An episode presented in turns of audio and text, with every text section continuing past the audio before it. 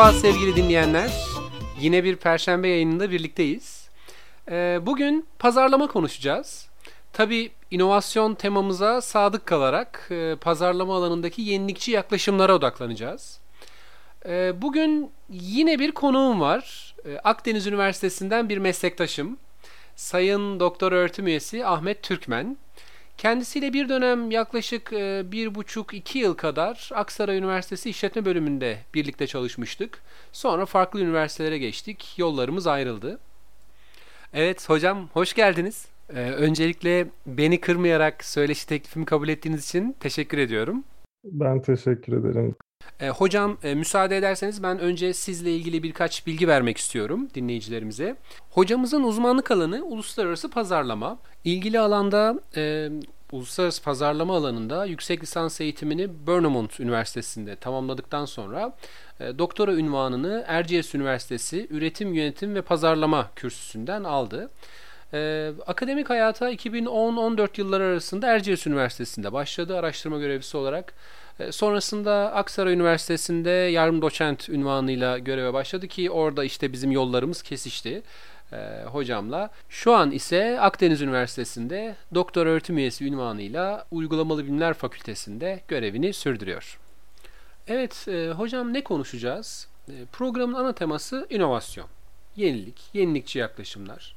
E, malumunuz sanıldığının aksine sadece e, mühendislik ve işletme alanlarıyla sınırlı bir kavram değil inovasyon. E, kaldı ki 21. yüzyıl çoğu alanda değişimin hız kazandığı bir yüzyıl. Her alanı etkileyen değişimle birlikte bu süreçte inovasyon da sınırsız bir alana dönüşüyor sanki. Dolayısıyla sınırı olmayan bir kavram. Ee, tabii sizinle konuşmak istediğim pazarlama alanının bu değişim sürecinden yenilikçi yaklaşımlardan nasıl etkilendiği, günümüzde pazarlama anlayışı geçmişten farklı mı hocam? Yani farklıysa hangi yönler yeni anlayış içerisinde öne çıkarılabilir? Neler söylemek istersiniz? Ee, şimdi hocam sizin de söylediğiniz gibi bu e, inovasyon dediğimiz şey sadece mühendislik alanlarında ya da sadece işletmeyle kısıtlı bir şey değil. Aslında inovasyon herhangi bir şeyin yeniden yaratılması şeklinde de ortaya çıkabiliyor. Pazarlamada da bu oldu. Evet. Bundan öncesinde işte 90'lar belki kimilerine göre işte 90'lar öncesine baktığınızda daha doğrusu e, iletişimin maliyetin ve hızının daha düşük olduğu yıllarda şirketlerin hedef kitlesi kol açıklığında yani elini uzattığında yetişebileceği herkesti. E, bugün artık bundan pek bahsedemiyoruz. En azından e, nitelikli ürünler ve doğru şirketler veya işte bizim e, true companies dediğimiz gerçek şirketler şeklinde baktığınızda hani bu artık mümkün değil. Çünkü bütün dünyada sizin ürünlerinize talep oluşabiliyor. Ama siz belli bir tüketiciyle e, ilişki içerisinde olmak zorundasınız. Öteki türlü yani çünkü yetişemiyorsunuz. Hani fiziksel olarak da yetişmeniz mümkün değil, mali olarak da yetişmeniz mümkün değil. İşte bu daha çok bir müşteri ilişkileri yönetimine veya tüketici odaklılık tarafına itmeye başladı şirketleri. Evet. Dolayısıyla hani öncesine kıyasla artık pazarlamada da kişi odaklı veya profil odaklı bir pazarlama var. Yani eskisi gibi bir mesaj bombardımanını tutmuyorsunuz artık tüketiciyi. Hı hı tüketiciyle belki bir karakter uyumu, belki bir farkındalık yaratarak e, adım adım ilerlemek durumundasınız artık. En büyük fark şu an bu. Peki bunun için tabii yeni teknolojilerden faydalanma da bir zorunluluk diyebilir miyiz hocam? Çünkü müşterinin bilgilerinin e, firma tarafından elde edilmesi gerekiyor bir şekilde. E, bu verilerin yönetilmesi gerekiyor. Dolayısıyla pazarlamada da bu anlamda bir nitelik ihtiyacı söz konusu mu acaba? bir fırsat ortaya çıkar çıkmaz böyle bir ihtiyaç da oluştu. İşte o fırsat neydi? Bu dediğim gibi verinin depolanabilmesi ve verinin e, elde edilebilmesinin maliyetinin çok düşmesiyle ilgili bir şeydi bu. Hı hı. Şimdi e, ilk olarak bu telefon e, pazarlamacılığı ortaya çıktığında hani bu yeni bir yöntemdi. Hani yeni bir davranıştı. İnsanlara telefon edip ürününüzü tanıtıyordunuz. Direkt olarak bu kişiyle konuşuyordunuz. Şimdi internetten bahsedebiliyorsunuz. Kişilerle ilgili onların istediği veya istemediği bir sürü veri toplanabiliyor ve bu veriler üzerinden profil analizleri, kişi analizleri E, ve bu analizler sonucunda bir müşteri prototipi ya da arketipi çıkarılarak bu müşteri nelerden hoşlanır, nelere tepki verir, neleri istemez gibi soruların cevaplarını bildikten sonra bir pazarlamaya başlanabiliyor.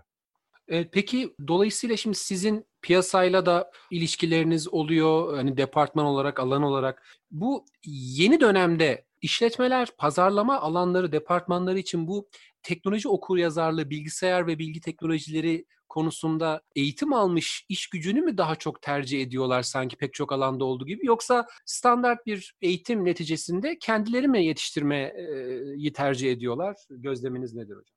Aslında ikisi de e, hem şirkete bağlı olarak hem de adaya bağlı olarak değişiyor bu. İşte e, hani ne olursa olsun temel düzeyde bir bilgisayar bilgisi gerekiyor artık. Evet. Şu veya bu şekilde.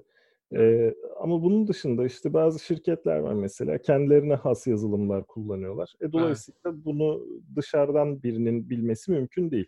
Ama onun dışında kurum kültürü olarak kendinden başka bir kurumun kültürünü almamış ama kabiliyetli, yetenekli adayları tercih eden şirketler de var. Çünkü bildiğini unutturmak, önceki kurum kültürünü unutturmak Değil mi? O çok zor. zor hocam değil mi? Evet. Yani evet. bir ham taşı alıp onu deyim yerindeyse işte bir kullanılabilir bir hale sokup e, artık bundan sonra bu kişiden şurada faydalanabilirim diyebilecekleri kişileri esasında bir yetenek havuzu şeklinde almayı tercih ediyorlar. Pazarlamada müstesna değil bu Hı. davranıştan. Peki hocam şimdi sizin başta söylediğiniz şeye dönersek yani bütün bu çaba bu yeni anlayış doğrultusunda nasıl yeni hani sizin söylediğiniz çerçevede işte müşteri odaklı yaklaşım. Dolayısıyla işte bir müşteri ilişkileri yönetimi daha önemli ve daha ön plana çıkıyor diye düşünebiliriz artık işletmelerde. Peki müşteri ilişkilerinin önemi nedir? Nasıl çalışıyor? Bu biraz bahseder misiniz? Yani firmalar bu müşteri ilişkileri yönetimi nasıl organize ediyorlar? Müşteri ilişkileri şöyle, müşterilerin tabii kim olduğunu biliyor olması lazım ilk hmm. önce. Yani ben kime hizmet ediyorum, kim beni tercih ediyor. Ee, tabii bunun için belli bir veri tabanı oluşturmaları lazım. Ee, bu veri tabanını oluştururken tabii farklı kriterlere göre tüketicilerin değerlendirmeleri gerekiyor. Potansiyel tüketicilerini ya da var olan tüketicilerini. Şimdi müşteri ilişkileri tarafına baktığımızda müşteri ilişkileri genel anlamda e, yani dar anlamda diyeyim ya da eldeki müşterinin geliştirilmesiyle alakalı bir şeydir. Yani hali hazırda sizin tüketiciniz veya doğal tüketiciniz olan kişiyi elde tutabilme ya da buna benzer başka kişileri kazandırmayla alakalıdır. İlk başta söylediğimiz gibi yani herkesle ilgilenmiyoruz. Ee, bizim kurumumuza uygun ve bizim fayda sağlayabileceğimiz kişilerle ilgilenmemiz gerekiyor artık müşteri ilişkileri yönetiminde. Tüketici odaklılıksa burada işte daha önce farklı vesilelerle konuştuğumuz gibi bu hani çeviriyle alakalı yaşadığımız problemlerden bir tanesi. Mesela hmm. Customer Oriented Marketing dedikleri bir şey var. Bunun Türkçe tercümesi tüketici odaklı pazarlama. Evet. Öte yandan Customer Generated Marketing dedikleri bir şey var. Bakıyorsunuz literatürde bu da Türkçe literatürde tüketici odaklı pazarlama olarak geçiyor ama birbirlerinden farklı şeyler. E, oriented olanı tüketiciyi merkeze alıp bu tüketiciyle alakalı pazarlama faaliyetleri geliştirme. Generated olanı ise bizzat tüketicinin sizin yerinize pazarlama faaliyeti yürütmesiyle alakalı bir şey. İkisi de müşteri ilişkileri yönetiminin önemli konuları arasında aslında. Burada evet. müşteriyi pazarlamanın bir parçası haline getirmek, onu mu kastediyoruz hocam? Örneğin işte bir kahve markasının kahve bardaklarına e, müşteri adını yanlış yazarak reklamını yaptırması gibi. Başka türlü olmadığı gibi zaten. Hepimizde birer tane var herhalde. Adımızın ya da fiziksel görünüşümüzün yanlış ya da abartılarak yazıldığı şeyler. Evet. Ee, tabii bu bunun bir parçası. Yani tüketici o andan itibaren artık kurumun bir parçası olmaya başlıyor ve pazarlama faaliyetinin bir parçası olmaya başlıyor ki sosyal medya ile beraber bu da Hı. öne çıkmaya başladı. Çünkü e, sosyal medyada işte platform ne olursa olsun sizin gibi kişiler veya sizin gibi olmak isteyen kişiler sizi takip ediyor. Dolayısıyla e, şimdi kurum tarafından baktığınız zaman ben böyle müşteriler istiyorum dediklerinde e, zaten sizi takip eden kişiler evet böyle müşteriler tanımına uyan kişiler oluyor. Yani hmm. siz bir yerde bir harcamayı yaptığınız veya bir ürünü kullandığınızı gösterdiğinizde size benzer diğer kişilerin de bundan haberi olmuş oluyor. yani bu referans grubu olarak da söyleniyor ama nihayetinde baktığınızda bu bir müşteri pazarlama kanalı olarak kullanılabilen bir şey oldu günümüzde. Evet. Peki işin sosyal odaklı yaklaşım tarafı nerede? Yani mesela sosyal pazarlama gibi bir kavram görüyoruz. Hani sosyali pek çok kavramın önüne eklediğimiz gibi pazarlamanın önünde de görüyoruz literatürde. Hani toplumu önemseyen, toplumu öncelikleyen, işte sosyal sorumluluk çerçevesinde pazarlama. Hani bunlar doğası gereği birbirine uyuşuyor mu? Yani pazarlama ve sosyal. Sosyal pazarlama neden var sizce? Kimin ne işine yarar? Şimdi sosyal pazarlama kimin ne işine yarar? Çok güzel bir soru. Aslında herkesin bir şekilde işine yarar.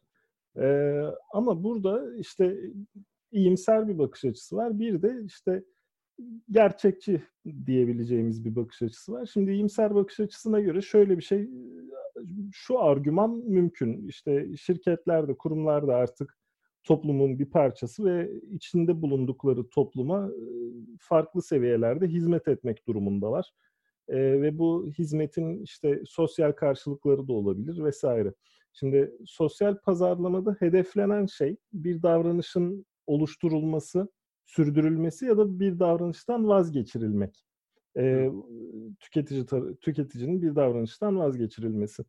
Şimdi baktığınız zaman e, iyiye daha güzele teşvik eden markalar veya firmalar evet çok güzel bir fikir. Ama bir firma e, en dar anlamında amacı kar etmek olan bir kuruluş neden böyle bir şey yapsın? Yani tüketicinin kara kaşına kara gözüne e, taptığı için olmayabilir diyen bir başka açısı var. Şimdi baktığınız zaman hocam aynı işte tabir uygun olur mu olmaz mı bilmiyorum ama en rahat anlaşılacak şekilde hani doğada avcıların hayatta kalması, avın bolluğu ve avın sağlıklı olması yani yeteri kadar enerji üretebilmesiyle ilgilidir ya. Evet. Dolayısıyla e, firmalar içinde tüketicilerin yeterince bol olması ve yeterince harcama yapabilecek durumda olmaları yani uzun vadede sürdürülebilir ve sağlıklı olmaları önemlidir. Dolayısıyla hani bir yandan işte bakın biz ne güzel işler yapıyoruz sizin için. Dolayısıyla siz de başkasıyla değil bizle çalışın demek bir tarafta hani bu bir artısı sosyal pazarlamanın. Diğer taraftan da elinizdeki tüketiciyi koruyarak onu sürekli kendinizde tutmayla alakalı bir davranış aslında. Evet, aslında bir anlamda marka değerlerini de arttırıyor firmalar. Hani toplum odaklı, tüketici odaklı, tırnak içinde sosyal yönlerine vurgu yaparak. E, doğru. E, hani baktığınızda hani pek fark, pek çok farklı şekillerde yapılıyor. Aslında bu çok yeni bir şey de değil. Evet. E, çünkü hani geçmişe baktığınızda işte mesela bir e, bugün sağlığa zararlı olduğunu bildiğimiz bir markanın doğa sporlarına insanları yönlendiren faaliyetleri vardı. Pek çok benzer şey görülebilir ama Evet. Günümüzde işte kat ve kat artmaya başladı bunlar. Özellikle... Bu artışta hocam sosyal medyanın mesela rolü var mı? Yani hani muhakkak ama onu nasıl değerlendiriyorsunuz? Mesela sosyal medya olmasaydı insanlar bu bilgi teknolojileri marifetiyle e, dilden dile firmalarla ilgili görüşlerini birbirlerine bu kadar kolay aktaramazsalardı e, yine pazarlama sosyal olur muydu sizce? Ya çok mümkün değil. Ee, şimdi şurada şöyle bir şeyin ayrımını yapmak lazım. Yine çeviride yaşadığımız hatalardan bir tanesi sosyal medya pazarlamasıyla sosyal pazarlama birbirinden farklı şeyler. İşte sosyal pazarlama yine daha önce konuştuğumuz gibi firmanın e, toplumun faydasına bazı faaliyetler yürüterek işte bir pazarlama faaliyeti yürütmesi. Sosyal medya pazarlaması da adından anlaşılacağı gibi sosyal medya üzerinde e, yürütülen pazarlama faaliyetlerinin bütünü. Mümkün olur muydu? Hayır olmazdı. Hani çok kısa ve net bir şekilde. Çünkü sosyal medya dediğimiz şey dünyanın her tarafından farklı kişileri, aşağı yukarı aynı konuya ilgi duyan kişileri bir arada toplayabilen bir şey. E şimdi burada nelerin haber olduğuna bakarsanız eğer, e, şimdi köpek adamı ısırdı haber değil ama adam köpeği ısırdı değil haber. Yani evet, evet. E, bir firmanın herhangi bir açığı, yani yapmaması gereken herhangi bir şey burada kişiler arasında EVOM dediğimiz elektronik ağızdan ağza e, pazarlama şeklinde konuşulmaya başlandığında firma çok ciddi zararlar görüyor. Dolayısıyla bu işin negatif tarafı. Bir de pozitif tarafı var. E, normal şartlarda ulaşmanız mümkün olmayan kişilere direkt olarak ulaşıyorsunuz. Hani bu şeyden bahsettik ya sizin takipçileriniz de sizin gibi kişiler. Dolayısıyla firmanın ilgisini çeken kişiler. Evet. E, bir mobilya üreticisi bununla alakalı işte Facebook üzerinden bir e, görsel paylaşmıştı. Bu görsele kendini etiketleyen herkes çekilişe girme hakkı kazanıyordu ve çekilişi kazanana o görseldeki ürün hediye ediliyordu. Evet. Ee, hani bunu başka türlü direkt olarak bu kadar odaklı bir şekilde tam olarak bu ürünle ilgilenebilecek kişilere ulaşmanın başka bir yolu şu an yok. Çünkü kişilerin cebine mesaj attığınızda veya e-mail gönderdiğinizde ha bu şirketten geliyormuş dolayısıyla benim ilgimi çekemez diyerek yok sayma eğilimi görmeye başladık.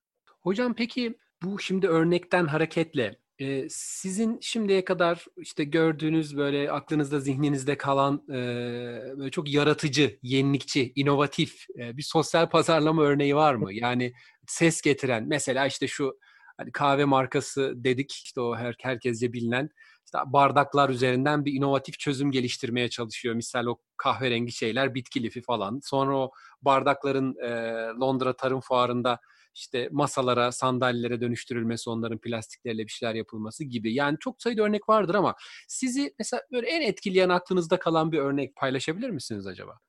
Ee, yine kurum adı vermeden e, evet. Şimdi tanıyan olur mu olmaz mı biraz ölçerek biçerek söylemeye çalışıyorum ama İtalya'da bir firma evet. çalışanlarının haftada bir gün o bölgede yaşayan kişilerin çocuklarının okula giderken karşıdan karşıya geçme şeylerini, e, görevlerini üstlenmişlerdi. Yani çocukları diziyorlar kırmızı ışıkta. En önde işte bu şirketin bir çalışanı. Çocukları güvenli bir şekilde karşıya geçiriyorlar. Firmada çocuklara şekerleme satan bir firma diyeyim. Hani böyle bir şey yapmışlar. Hani pek çok örnek var. Ee, evet. Bu kadar işte Londra barındaki gibi yüksek ses getiren bir şey değil ama son derece adrese teslim bir davranış. Onun dışında işte ayakkabı e, üreticilerinden bir tanesi şeyi söylüyor. E, biz ayakkabılarımız için sıfırdan plastik üretmiyoruz. Hali hazırda işte kullanılmış olan tekerlerin yani kullanılmış ve ömrü sona ermiş olan kamyon ve uçak tekerlerinden yapıyoruz bu ayakkabıları. Hocam bir de ama bu çok ciddi bir arge de gerektiriyor yani değil mi? Hani muazzam, yanılıyor muyum? Muazzam. Misal o bahsettiğim kahve firması hani medyaya yansıyan işte 10 milyon dolar gibi bir bütçeyle bu bir tasarımcıyla anlaşıp bu bardakları dönüştürüyor falan. Yani şimdi bahsettiğiniz ayakkabı örneği misal. Hani bunun için e, ciddi bir arge çalışması muhtemelen o e, plastiğin dönüştürülmesi, tekerleğin neyse için gerekiyor. Dolayısıyla insanın da aklına e, kar amaçlı bir şirket e, neden diye bir soru geliyor açıkçası. E, yani ya çok iyi kişiler bunlar e, ya da bunun arkasında işte normal şartlarda olması gerektiği gibi bir şirketin kar edebilmesi için bir sebep olması gerekiyor. Doğru bir soru.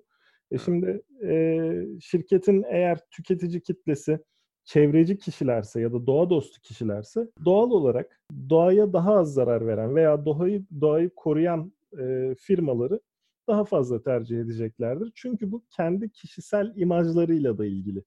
Yani e, ben işte bak senden daha iyi biriyim çünkü ben doğayı senden daha fazla koruyorum vesaire. Hani baktığınızda hani yaşam tarzlarında dışarıda gösterdikleri şeyle e, her tüketici için diyemem bunu ama dışarıda gösterdikleri şeyle gerçek yaşantıları birbirlerinden farklı olabiliyor ama nihayetinde kişilerin bir kendi sosyal çevrelerinde yürütmeleri gereken bir marka çalışmaları var. Hepimizin evet. olduğu gibi. işte üzerimize giydiğimiz renklerden, kıyafetlerimizden tutun da. Yalnız bu her yerde çalışır mı sorusu önemli. Hah, evet hocam. Çok güzel. Ee, şimdi her yerde çalışır mı? Hayır, her yerde çalışmaz. Yani e, bir saniye ben daha önceden işte şey e, uçak eskimiş lastikleri mi giyiyorum ayağıma diyecek olan pek çok tüketici olacaktır ki e, hani ders veriyorsunuz, ders veriyoruz. Genç öğrencilere bir bakın bunlardan kaç tanesi böyle bir bilgi ışığı altında bu ayakkabıyı tercih eder. Evet. Bu kadar para ödüyorum, eski lastik mi alıyorum gibi bir soru mümkün. Evet. Biraz da dolayısıyla refah seviyesi de ilgili herhalde. Yani belli bir refah seviyesinin üzerinde olmalı ki insan ürün seçimi. Eşyanın doğası gereği öyle. Çünkü evet. e, Maslow'un ihtiyaçlar hiyerarşisinden işte e, dinleyenler içerisinde aşina olmayanlar olabilir. Hani e, hayatınızı, sizi hayatta tutacak olan şeyleri işte barınak, yiyecek vesaire gibi şeyler risk altındaysa eğer e, sizin ilk amacınız başkalarını korumak olmayacaktır. Kendinizi korumak olacaktır. Yani kendinizi ifade etmekten önce kendinizi hayatta tutmak ihtiyaçlarınıza yöneleceksinizdir. Dolayısıyla e, sosyal sosyoekonomik refah azaldıkça e, bu sosyal pazarlamanın etkisi de azalacaktır. Ha. Normal şartlarda. Mesela işte... hocam tam dediğiniz noktada çok e, özür dileyerek e, tam oraya bir parantez açarak mesela şu an bu pandemi dönemindeki tüketicilerin marketlere dünyadan bahsediyorum. Türkiye özelinde değil. Bütün dünyada gördüğümüz manzaralar, temel tüketim mallarına saldırmaları ve bu e, haliyle burada marka e, ya da firma ayrımı gözetmeksizin hani tek amacın o malı edinmek olması güdüsü. E, dolayısıyla bu bahsettiğiniz Maslow'la açıklanabilir o zaman değil mi?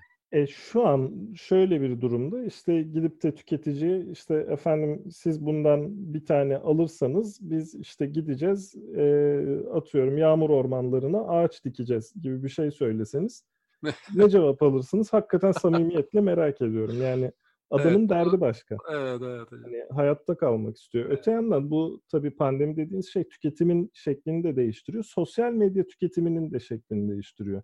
Şimdi tüketimin şeklini değiştiriyor nasıl? Ee, normal şartlarda hiç ihtiyaç duymayacağımız ürünler satın almaya başlıyoruz. İşte bu evet. dezenfektanlar gibi işte maskeler vesaire. Hı hı. Ee, onun yanında sosyal medya tüketimini de değiştiriyor bu. Ee, normal şartlarda e, eğlence için kullanılan sosyal medya araçları şimdi bakın ben nasıl da farkındalık sahibiyim demek için kullanılmaya başlandı. Doğru e, sokağa şöyle çıkmıyorum. Sosyal mesaj durumsal olarak değişebiliyor öteki taraftan baktığınızda.